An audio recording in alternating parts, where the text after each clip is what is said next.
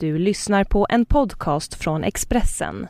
Fler poddar hittar du på expressen.se podcast och på iTunes. Det här är Expressen Dokument om det högerextrema partiet Gyllene gryning av Mats Larsson som jag, Johan Bengtsson, läser upp.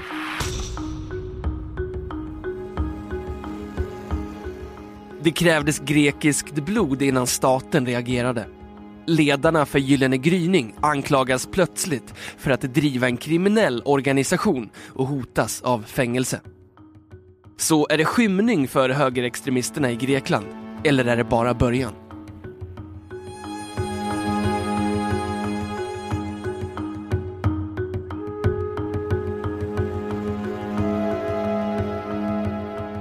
Det var ett hundratal som var ute och demonstrerade i Aten mot våldet. Kistan var öppet så att alla kunde se det unga offret som låg där. Han blev bara 27 år och knivhöggs till döds tidigt en morgon när han var på väg till sitt jobb. Kanske det här mordet ska få stopp på dessa attacker, sa en av deltagarna förhoppningsfullt. Men så blev det inte.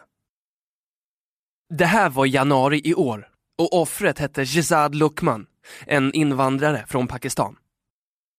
De misstänkta mördarna kunde rätt snabbt gripas och hemma hos dem fann polisen bland annat flygblad från högerextremistiska Gyllene gryning. Det var bara en i en lång rad attacker mot invandrare i Grekland de senaste åren. Vi talar hundratals, en del av dem med dödlig utgång. För Shezad Lukman var inte det enda dödsoffret. Men vändpunkten kom istället först sent på kvällen den 17 september. Även den här gången ett knivmord. Men offret den här gången var grekiska rapparen Pavlos Fissas. Han hade suttit på ett café och tittat på en fotbollsmatch tillsammans med några vänner.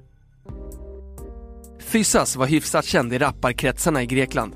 Han identifierade sig inte med något parti i Grekland utan skyllde landets enorma problem på den korrupta politiska klassen där ett fåtal partier haft makten under decennier.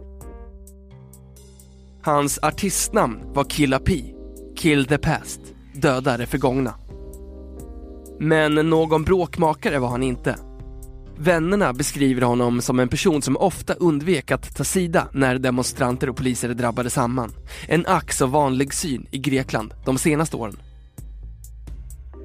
Även denna kväll försökte han gå emellan när hans vänner blev angripna av främlingarna. Ingen kunde få Pavlos att fly, säger en vän till The Independent. Georgios Ropakias högg ner honom med kniv i hjärtat. En fotograf tog en bild när Fyllas flickvän håller den svårt blödande artisten i sina armar. Den publicerades på första sidan i en grekisk tidning och slutligen vaknade grekerna upp till det våld som omgett dem de senaste åren. Och åter ledde spåren till Gyllene gryning.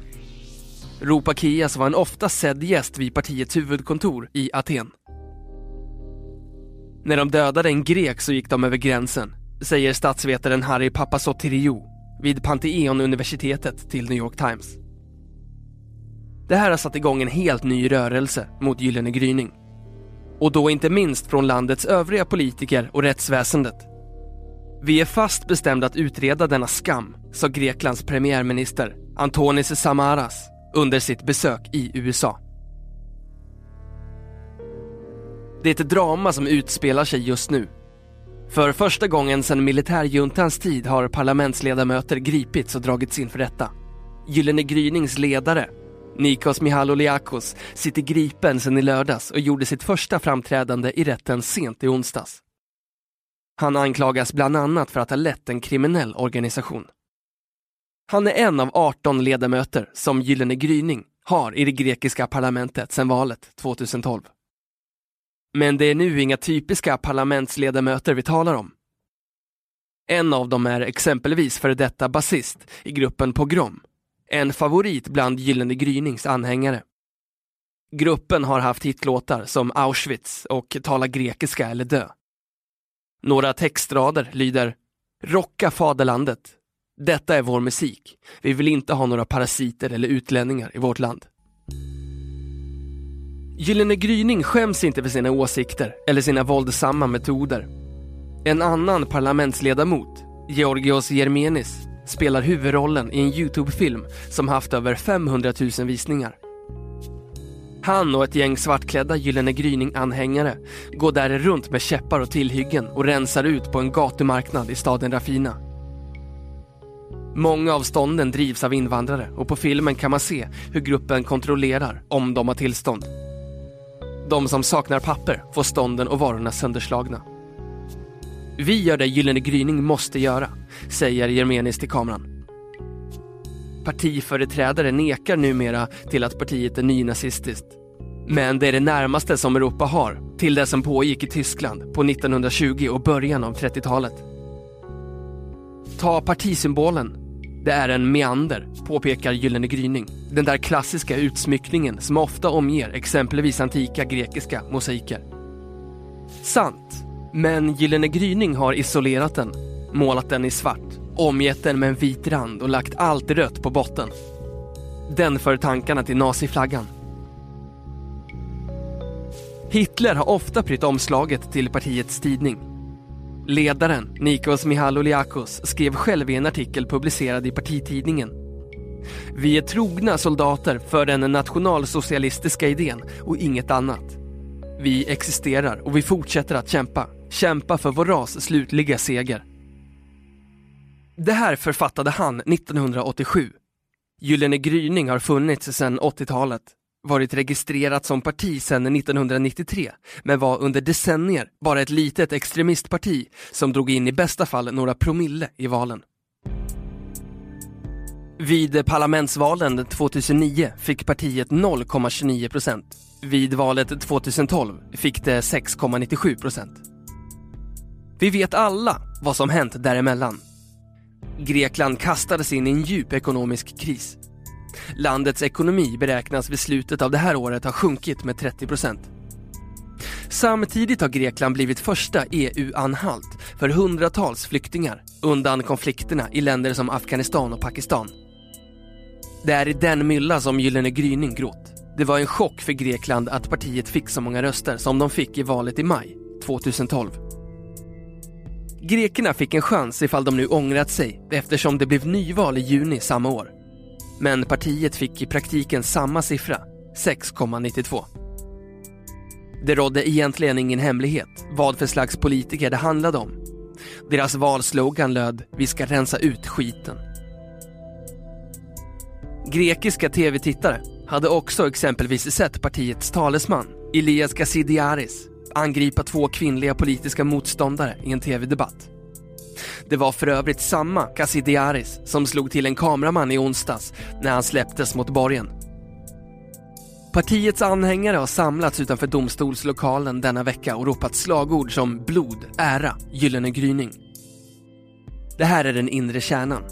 Så långt skulle de flesta av partiets väljare inte gå. Men många köper deras budskap att invandrare tar jobben och skräms upp av historier om brott begångna av illegala invandrare. Det finns många historier om hur greker fått sina övergivna lägenheter invaderade av utländska husockupanter men sen drivits iväg av Gyllene Grynings folk. Gyllene Gryning har även ordnat soppkök och annan hjälp, men bara till greker. Äldre damer i jakt på mat har varit ofta sedda besökare på partiets lokaler runt om i Grekland.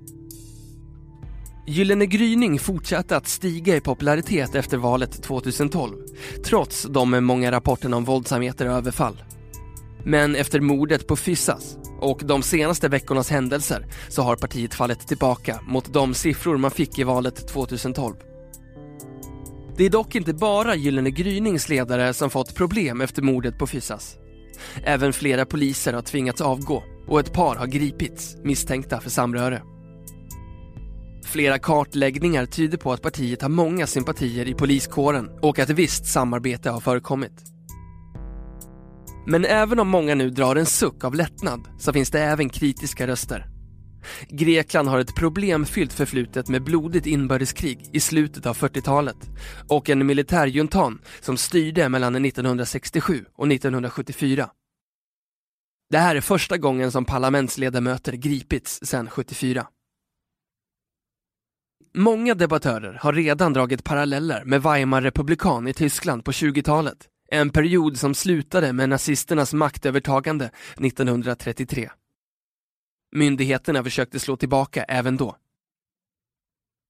Den 24-åriga studenten, Eleni Batsiopoulou, fruktar dock inte framtiden. Är det här slutet för Gyllene gryning eller bara början? Jag vill tro att det är slutet. Men om det inte är det så är det bara inledningen på en våg av trubbel.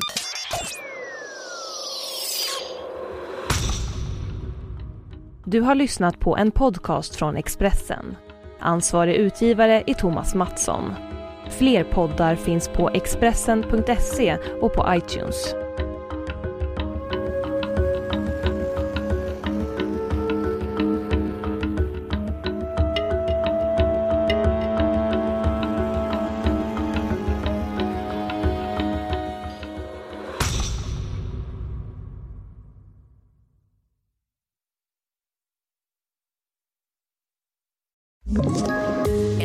Ett poddtips från Podplay.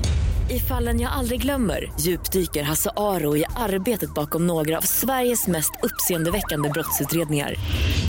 Går vi in med hemlig telefonavlyssning och, och då upplever vi att vi får en total förändring av hans beteende. Vad är det som händer nu? Vem är det som läcker? Och så säger han att jag är kriminell, jag har varit kriminell i hela mitt liv men att mörda ett barn, där går min gräns. Nya säsongen av Fallen jag aldrig glömmer på Podplay.